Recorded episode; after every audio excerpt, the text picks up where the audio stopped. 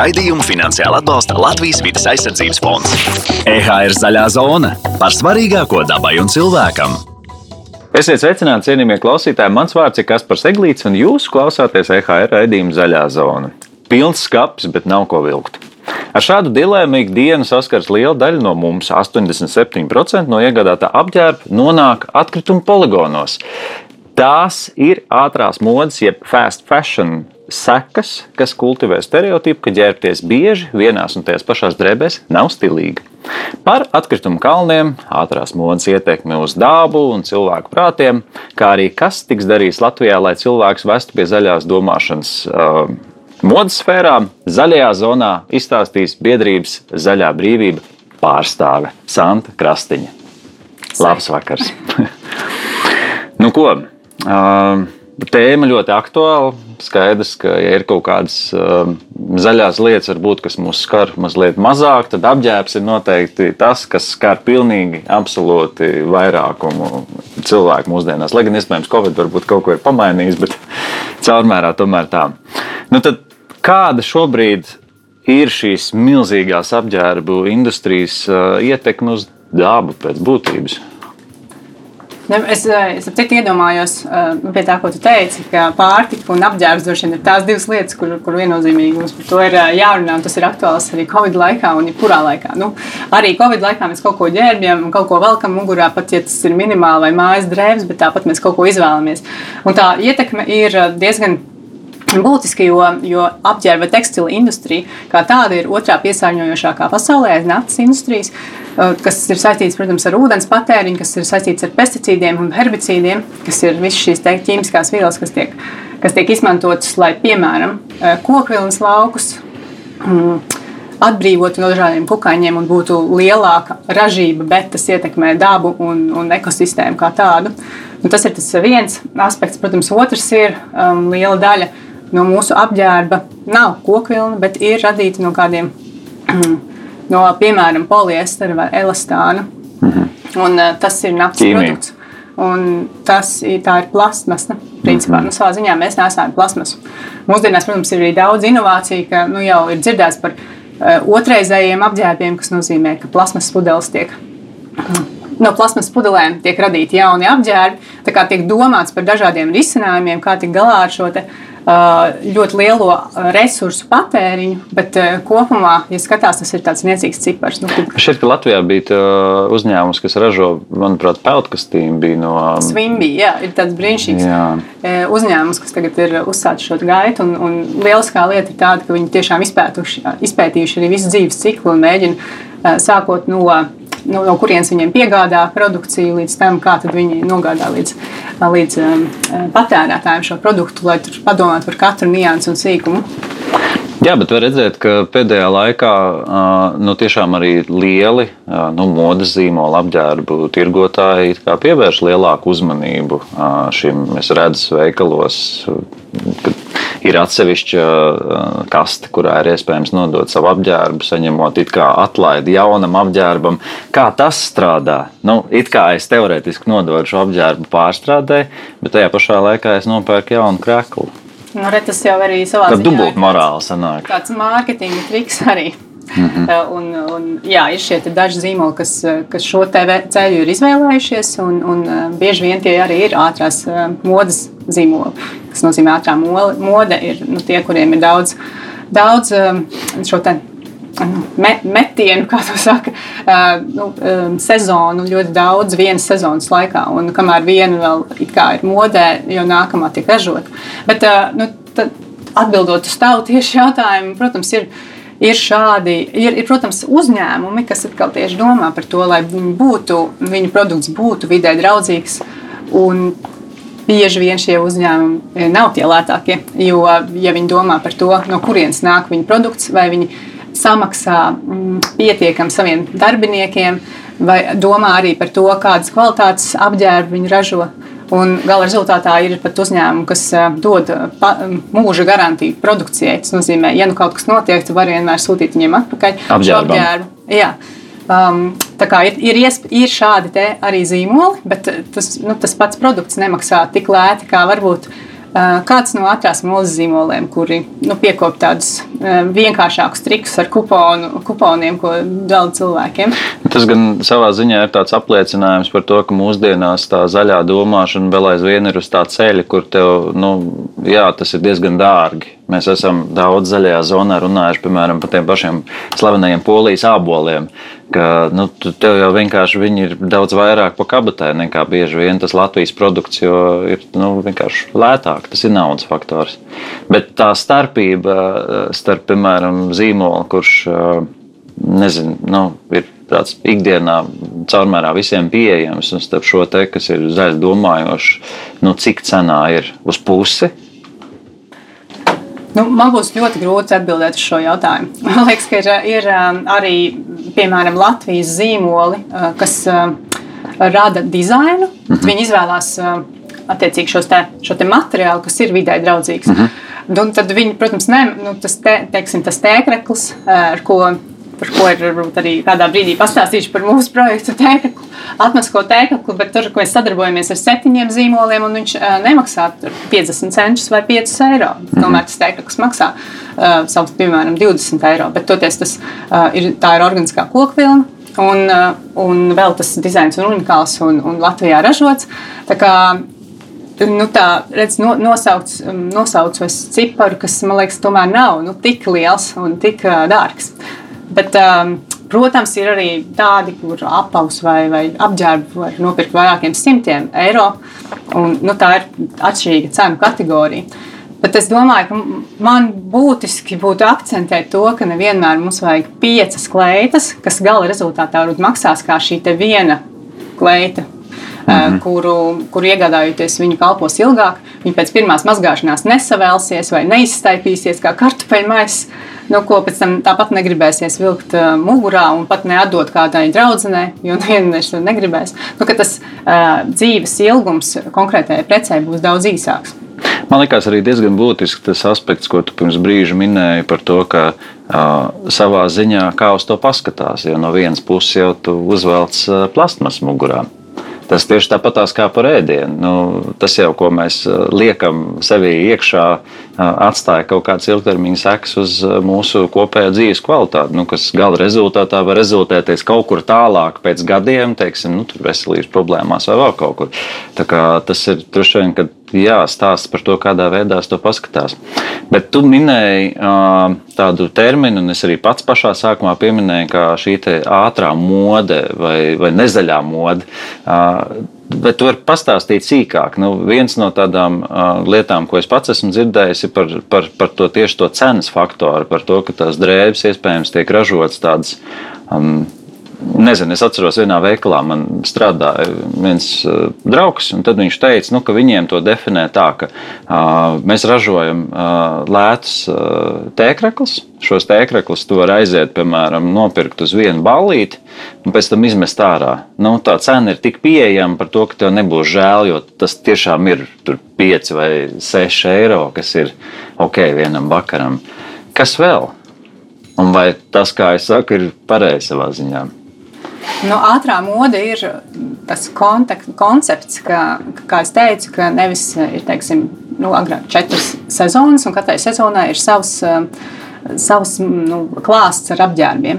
Bet uh, vienā gadā var būt pat 17 šādi modes kolekcijas, kuras uh, tiek um, palaistas. Un, uh, konkrētie apģērbi nav labas kvalitātes. Bieži vien nu, jā, šis tēklis pat neiztur to vienu vakaru, nu, mhm. pārspīlējot. Bet, nu, izmazgājot, viņš zaudē formu ātri, jo ir nekvalitatīvs materiāls izmantots. Vai uh, ir šīs ķīmiskās vielas, ar ko tiek krāsots krekls, arī iespējams ir tāds, ka nu, uzvelk džinsus, un pēc tam ir zilas kājas, un domā, mm, kāpēc tā, vai ne? Nu, ka, ka tie nav domāts arī par šo krāsu, kas tiek izmantot. Un tad ir jautājums, cik daudz, nu, ja maksā tēkļus 5 eiro, tad cik daudz par šādu tēkļu šūšanu ir saņēmis eh, šuvējs. Un nerunājot par visiem pārējiem, tur audums, cik izmaksāja un tā tālāk, tad kur tas audums ir iegādāts, vai tā, tā, tā nav noteikti organiskā kokvilna, tā, no, nu, piemēram, pieņemsim, tā ir kokvilna, tā droši vien ir šī konvencionālā vai parastā kokvilna un tā tālāk. Tā kā, tur ir ļoti daudz aspektu, kas, kas būtu jāņem vērā, ja runā par, par tieši šo ātrumu modu. Jo gala rezultātā jau tomēr nu, to krekliņu izmetot, viņš nonāk tajos 85% visticamākais. Nu, viņš nonāk jā, nu, vai, nu, vai nu šajā atkritumu urnā mūsu, vai labākā gadījumā šobrīd ir pilotu projekts ar 60 urnām. Uh, Latvijā, kurā var tekstilu nodot, nu, tad, ja viņš vēl kaut cik sakarīgi izskatās, tad tur var nodot. Vai nu vēl var nu, izmantot kaut kā, kā piemēram, mazgāt grīdu, vai nu, izmantot vēl pa, paildzināt viņa dzīvi. Kas ir kā nebūtu nav sliktākais variants. Jā, jā nu, tas ir veids, kā, kā paildzināt dzīvi, bet vai tas ir, nu, ja padomā uz to, nu, cik, um, vai tas tiešām tā teikt, ka mērķis bija, bija mazgāt grīdu uzreiz pēc pirmās ballītes vakarā, nu, tad tas droši vien tā nav. Nu, vēl jau var izmantot kā sekundārās drēbes, piemēram, lauku darbos kaut kādā brīdī vai, vai, vai kaut kā tam līdzīga. Bet interesanti, tu mini, ka pat 17 reizes nomainās, vai tas ir kaut kā. Tas visticamākais tas ir kaut kā tās modes, nu, tās lielās mašinērijas, tāds kultivēts aspekts par to, ka vienkārši, kā jau es minēju, sākumā kaut kādā brīdī tu esi stilīgs, bet ļoti tādu instantu īsu brīdi.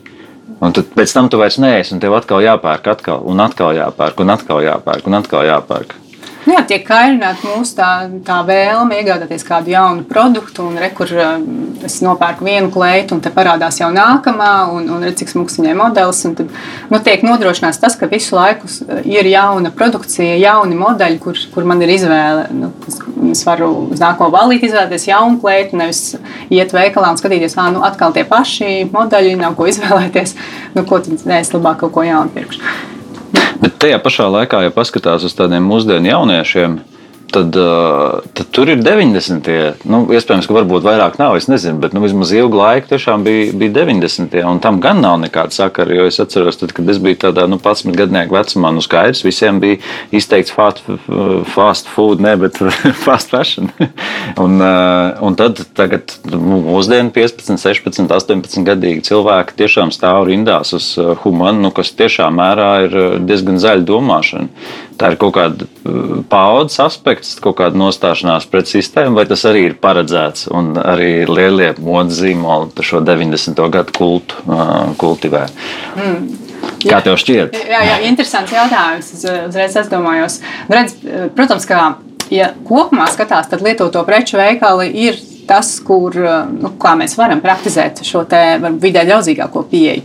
Bet, ja paskatās uz to, no kurienes nāk šie apģērbi, tad tie nāk no kādas citas valsts, kur ir šis ātrās modes kults. Nu, tad, tad, principā, pie mums nonāk produkcija, kas ir principā, nu, biznesa modelis. Tas jau, jau nav labdarības, tas ir biznesa modelis. Kaut kur, no kaut kurienes tiek atvests produkcija, kur mēs tālāk ie, iepērkam. Mm. Bet, Kā es vēlreiz atkārtošos, ka, protams, tas, tur ir lietoto preču veikalos, var atrast bieži vien brīnišķīgas pērles, piemēram, kašmīra džemperi par eiro. Nu, kašmīrs ir ļoti, ļoti dārgs un ļoti labs arī uh, audums. Un, un tad, nu, tādā lietoto preču veikalā tam īsti nav nozīmes. Viņš ir džempers, nu, kāda starpība no kā ražots. Tā kā es domāju, ka arī ka, nu, ikvienā veikalā var atrast, kā es teicu, pērles, un, un tad arī tie 90. nāk iekšā. Bet es domāju, ka arī nu, lietoto, ne, tas nav lietoto, bet ātrās modes veikali viņi jau nesnauž. Viņi jau skatās, kas ir, kas ir aktualitātes, un to, to arī. Nu, nu, jā, jo es to tiešām pamanīju tajā brīdī, kad visi jaunieši iet vairāk uz humpalām nekā uz uh, kaut kādu nu, jā, ātrās modes veikaliem. Tad pēkšņi ātrās modes veikalos parādās arī šīs krāsas, tie plašs kaut kādi, nu, tāds, ka liekas, re, kur tu vari dabūt to pašu, tikai jaunu. Tā kā tas tāds interesants aspekts. Uh, situācija ar tekstilu atkritumiem Latvijā, cik traki ir pie mums, jo, jo skaidrs, ka tur vien, nu, kad ļoti lielās valstīs, nezinu, Amerikā un, un, un, un Ķīnā, kur tiešām ražo milzīgos apjomos, protams, ka tie atkritumi ir vairāk. Cik, cik tas ir daudz pie mums, vai, vai tie arī ir tie paši 85%, un, un mēs visu metam ārā? Nu, mm, kā, tie procenti jau veidojas no, no dažādām nu, pētījumu metodoloģijām. Jāsaka, ka, nu, ka plus mīnus nu, tur varētu būt kaut kādi 40 eh, pāri procenti, ko, kas Latvijā ir nu, pētīts, kas, eh, kas nokļūst eh, poligonos un atkritumos. Un vēl nu, no statistikas viedokļa, nu, apmēram, jā, ja skatās uz iedzīvotāju mhm. garderobu, tad apmēram viena trešdaļa no visiem apģērbiem ir no, kā mēs atgriežamies pie iepriekšējās tēmas, no lietoto preču veikaliem. Mhm. Uh, tik, um, nu jā, tas ir tā kā, tād, arī no tādas, tāda aspekta. Un man liekas, ka tas, kas man personīgi liekas, viss tāds um, nu, aktuālākais, ir tas, ka tikai viena, viens procents no visiem apģērba tekstiliem, uh, tekst, tekstila audumiem, teiksim, apģērbiem ir uh, pārstrādāti jaunos produktos. Un ir jau pāris šie te, mm, arī Latvijā mums ir pāris dizaineri, kas to veicina un kas to ražo jauns uh, apģērbs, bet principā tikai viens procents. Mhm. Un, un nemaz nu, tur tā problēma ir tāda, ka ne tikai par šo pārstrādi kā tādu.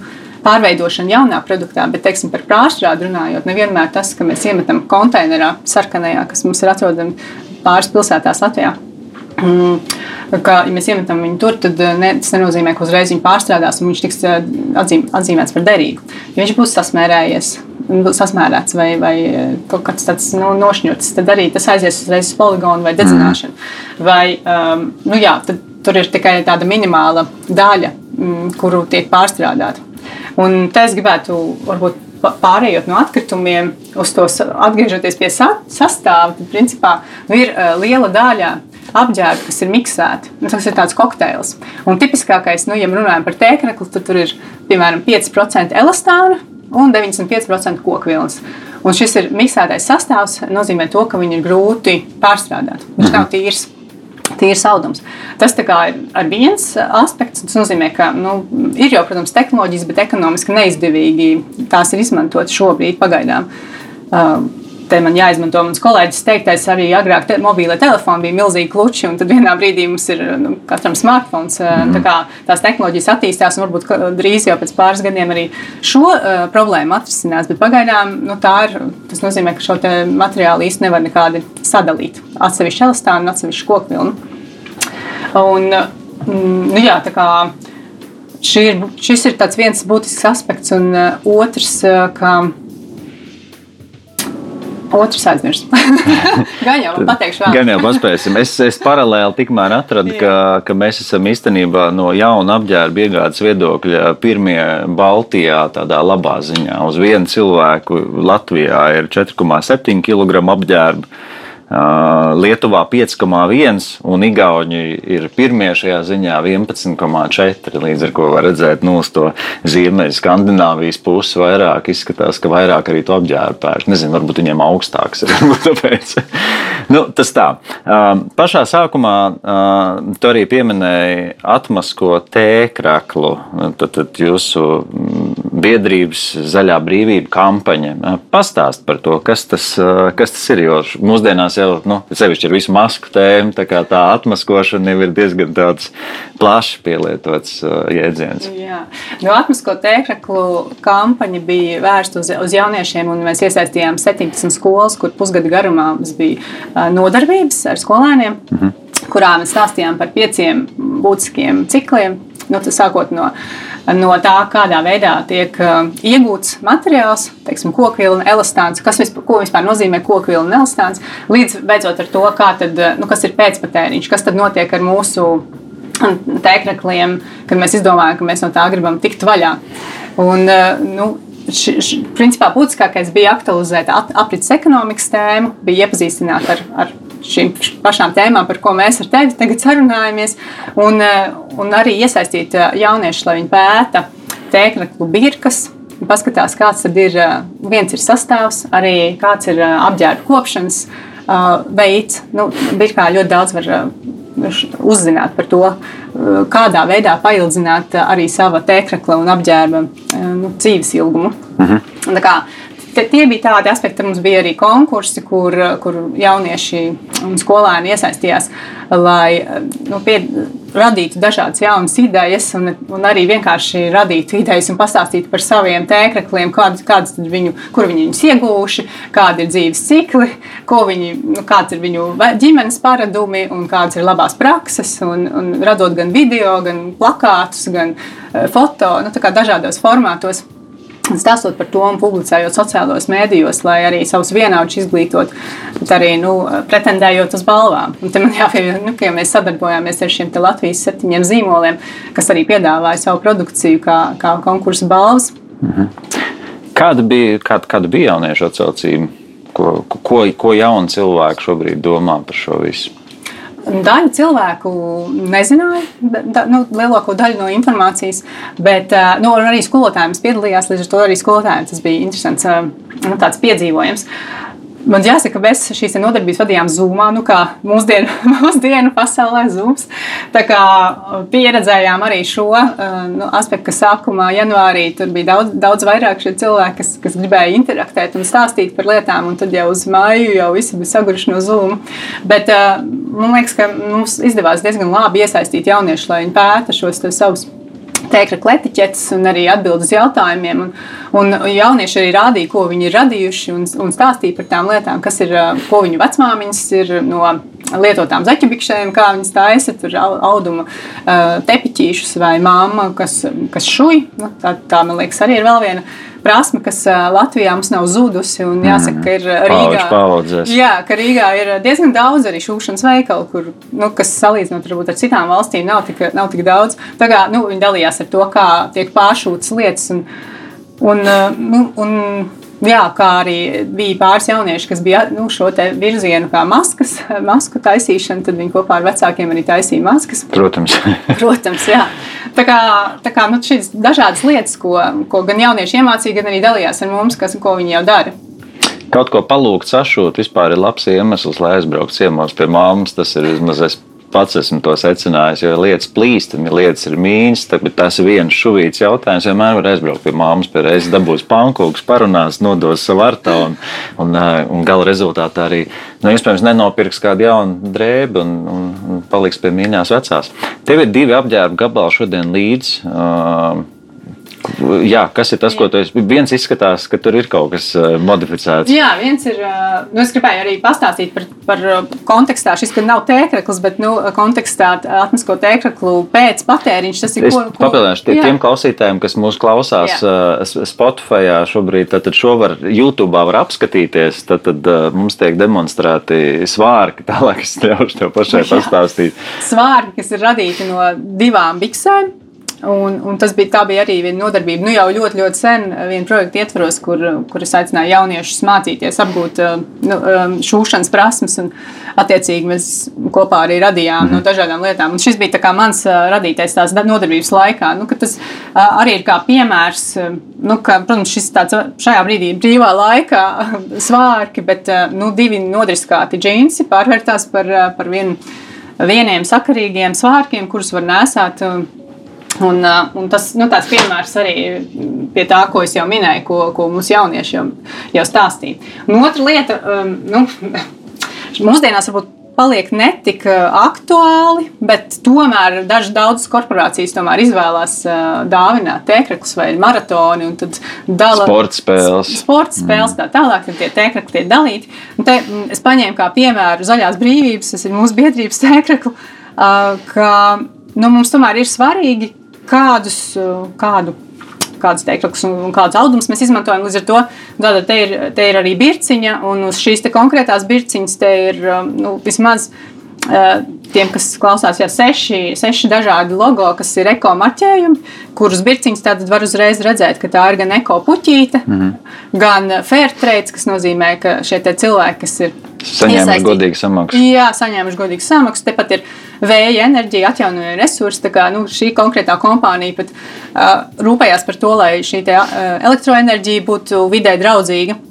Tā kā diezgan, uh, un vēl organiskā kokvilna, kas ir arī būtisks aspekts. Tas nozīmē, ka, nu, citu vēl viens stāsts, ja tēkraklam ražošanā, viena tēkrakla saražošanā ir nepieciešama apmēram 2700 litru ūdens. Viena. Jā, viena. Tad uh, mēs kontekstā tēkļus, mēs, mēs kampaņas sākumā pajautājām no apmēram 300 mūsu sociālo tīklu uh, sekotājiem. Tas ir 300 atbildēji, uh, cik daudz tēkļu ir viņu klāstā. Mhm. Viņa teica, ka nu, vidēji tie bija apmēram 14 tēkļi. Tad var pareizināt līdz 2700 un saprast, cik daudz ūdens ir izlietots. Bet kāpēc es to šajā šobrīd saku? Jo, nu, ja mēs runājam tieši par organisko kokvilnu, tad tas ūdens patēriņš ir uh, mazāks.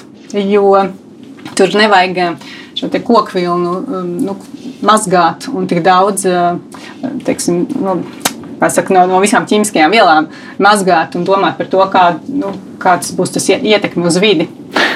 Ēkrakls apdrukāts, apdrukā arī ekoloģiski. Šajā gadījumā Mani kolēģi pie šī strādā. Es domāju, ka viņi arī pievērš uzmanību tam, kāda ir apdruka. Jā, tā kā jo apdruka patiesībā arī mēdz būt nu, krāsa, plastika, ķimikālijas un tam līdzīgi. Gan jau protams, arī bet, nu, pat, ja tas ir, pat, nu, šajā gadījumā, protams, ka tā ir ķīmiskā krāsa. Bet būtiskākais jau ir tas, cik, cik ir mazgāšanas reizēm viņi kļūst tādi, ka man liekas, oh, vai es tiešām viņu gribu vēl vilkt. Mm -hmm. nu, ka, ja pat ja tas, tā ir ķīmiskā krāsa, kas ir mūsdienās pilnīgi saprotama, ko mēs izmantojam, bet vai, ir vai tas ir kvalitatīvs pakalpojums, vai nu, tas ir vienreizējs pakalpojums, kurš nu, uh, ir gadījies, kad uzliek bildi, un tad pēc vienas mazgāšanās viņi jau ir tādi sakrokojusies un vairs nu, nekāda. Nāk elementi nost.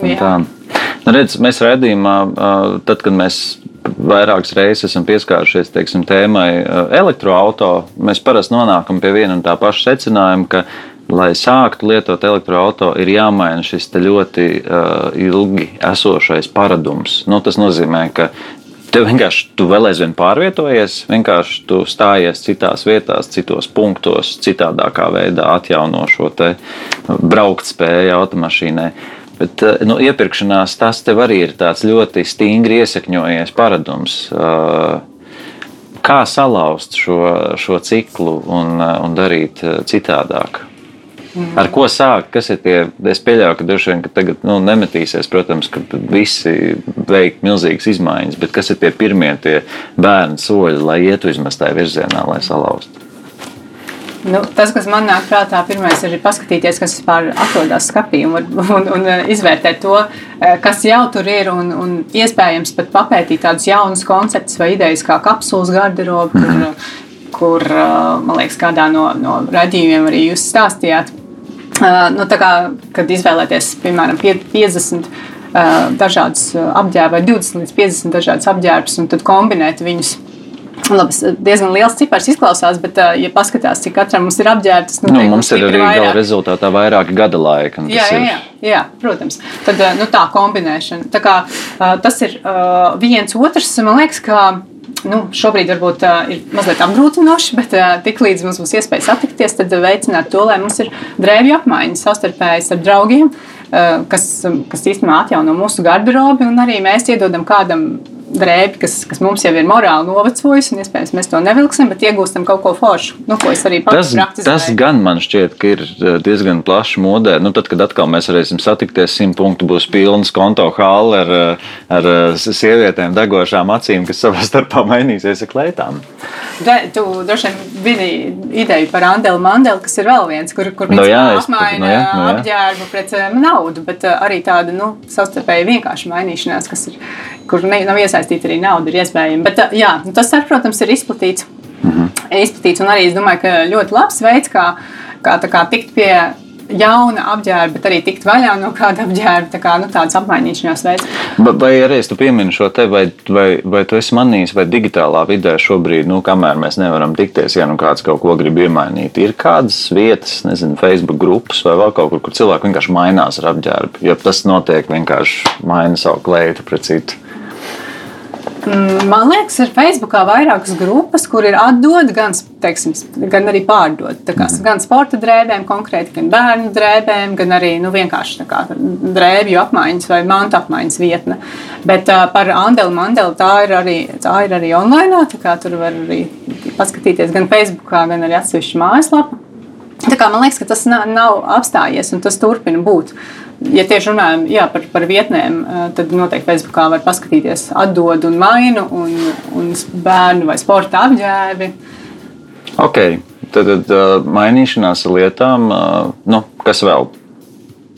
Um, nu, pārskatīt savu, savu skāpju saturu un saprast, vai tur var ieviest kādus, nu, kā es teicu, šos, te, piemēram, kapsulas garderobu. Tad uh, nu, vēl mm, pievērst uzmanību kādu apģērbu mēs pērkam. Un, un te ir nu, jā, jāskatās, ja nu mēs tomēr gribam kādu jaunu produktu iepirkt, tad tomēr varbūt uh, iegādāties vienu, bet kvalitatīvāku nekā piecus, kas nu, ātri izbeidz savu dzīvi. Tā kā nu, mai, viegli teikt, maina savu domāšanu, bet principā nu, pievērst tam, ko mēs pērkam. Un kur mēs principā ieguldam savu resursu naudu. Nu, par ko mēs gribam maksāt un kam mēs gribam maksāt. Nu, tas atkal atgriežoties pie visiem ekocertifikātiem vai zinot, ka varbūt uzņēmums tomēr samaksā godīgi strādniekam. Tā ir arī jāmin, ka liela daļa no tekstila tiek ražotas Āzijas valstīs, kur tie apstākļi bieži vien nav tie veiksmī, veiksmīgākie cilvēki, arī pret vidi. Šīs kvalitātes standarti nav tik augsti kā varbūt Eiropā un, un tepat arī Latvijā. Un kas ir tās nu, pamatlietas, kam, pieņemsim, paskatoties veikalā uz birks, vajadzētu pievērst uzmanību? Nu, galvenokārt. Tu minēji tādas terminas kā fair trade, bet ne, nu, ne, vai tas ir plaši izplatīts? Jā, Vai... Te man jāsaka, ka, ka bieži vien eh, uz birkas, uz, nu, manā gadījumā, ko es rādīju. Vai var žāvērtājā likt vai nevar, un jā, cik jā, grādos jā. mazgāt. Tas, jā, protams, tas ir tas, ko mēs redzam. Jā. Otrs, eh, otrs, ko pievērst uzmanību no kāda materiāla, un vai tas ir, cik ļoti miksēts tas materiāls ir. Tad, jo miksētāks, jo grūtāk pārstrādāt, jo sliktāk tā sanāk. Ja? Nu, redz, te man ir jāsaka, piemēram, vai tu iesi sportot ar kokvilnas kreklu, vai tomēr tu gribēsi kokvilnu ar elastānu, nu, kas, kas tev ju, justīsies komfortablāk. Tur ir, kā, nu, tur ir jā, jāizsver droši vien tie kausi, kād, kādam mērķim tiek pirkts konkrētais apģērbs. Un tad droši vien nu, tad arī pievērst uzmanību sastāvam, kas ir tas mērķis, kāpēc, kāpēc mēs pērkam to konkrēto produktu. Un, un vēl, nu jā, protams, par to, ka viens mēs varam iepazīties, nu, kādā temperatūrā vai, vai jāguldina vai nē, vai kādi ir tie ieteikumi. Uh, un, nu, veikalā droši vien mēs tam nepievēršam uzmanību, bet tad, kad mēs atnākam mājās, nu, tad, tad, tad gan būtu tas brīdis, kad mums varētu pievērst uzmanību, kā šo konkrēto apģērbu kopt un, uh, un ievērot to. Ja reiz mums ir apdruka un tur ir teikts, ka apgriežiet otrā.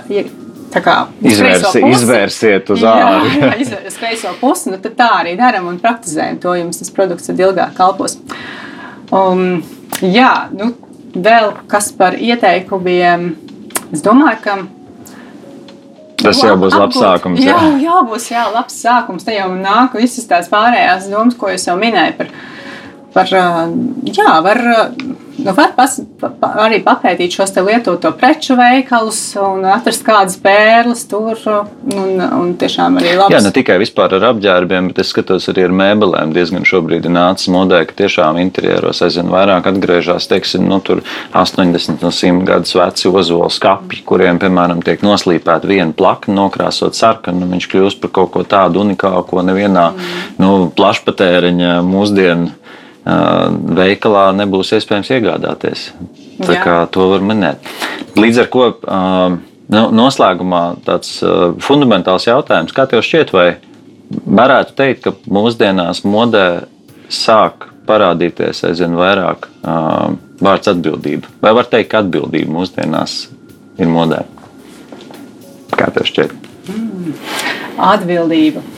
Vai viņi ir modē? Es, es gribētu teikt, ka jā, tas ir modīgi un stilīgi, un esam atbildīgi ne tikai tekstila jomā, bet arī pārtikas jomā, attiecībās ar citiem cilvēkiem un tā tālāk. Tā kā, mm, es, bet, uh, Bet, ja nopietni, nu, tas bija nopietni, bet tā, ja nopietni, tad man liekas, ka liela daļa mm, aspektu, kas ienāk, ir arī regulas no Eiropas Savienības. Nu, piemēram, tas, ka. Plasmas šķīvīši, kur mums drīz nebūs. Piemēram, jā, vai arī runājot par tekstilu, tad no Eiropas Savienības ir noteikts no 25. gada mums ne tikai nu, pilotu projektam ir jābūt, bet tiešām arī jābūt eh, šiem šķirošanas konteineriem. Un jāsaka, ka Latvija Eh, plāno, un tad redzēs, kā sasniegs, ka daudz ātrāk nekā pirms, nu, pirms šī 25. gada, lai mums būtu iespēja mm, šķirot tekstilu. Un tā kā šobrīd arī ir mana kolēģi ir iesaistīti procesā un strādā pie stratēģijas izveidas te, ilgspējīga tekstila kontekstā. Mhm. Tas nozīmē, ka jau būs vairāk, vairākas regulas un, un um, ieteikumi un, un arī nu, lietas, kas ir jāievēro noteikumi mm, uzņēmumiem lai pateiktu, kas tad ir ilgspējīgi, kas nav. Un lai mums, kā patērētājiem, tomēr būtu vieglāk saprast, no kurienes nāk tas produkts. Un gala rezultātā, nu, kur tad es viņu varu, nu, jums gribu izmest viņu laukā vai tikt no viņa vaļā, tad kādā, kādā veidā vislabāk. Tā kā nu, ir arī šie te nevienmēr tikai mēs, kā patērētāji, esam atbildīgi, bet tur ir daudz instrumenti, kas ir arī no politikas veidošanas protams. viedokļa. Viss aprits ekonomika. Jā. jā. Nu, jā. Un tieši tā, tā kā Kur klausītāji var uzzināt vairāk par to, ar ko nodarbojaties?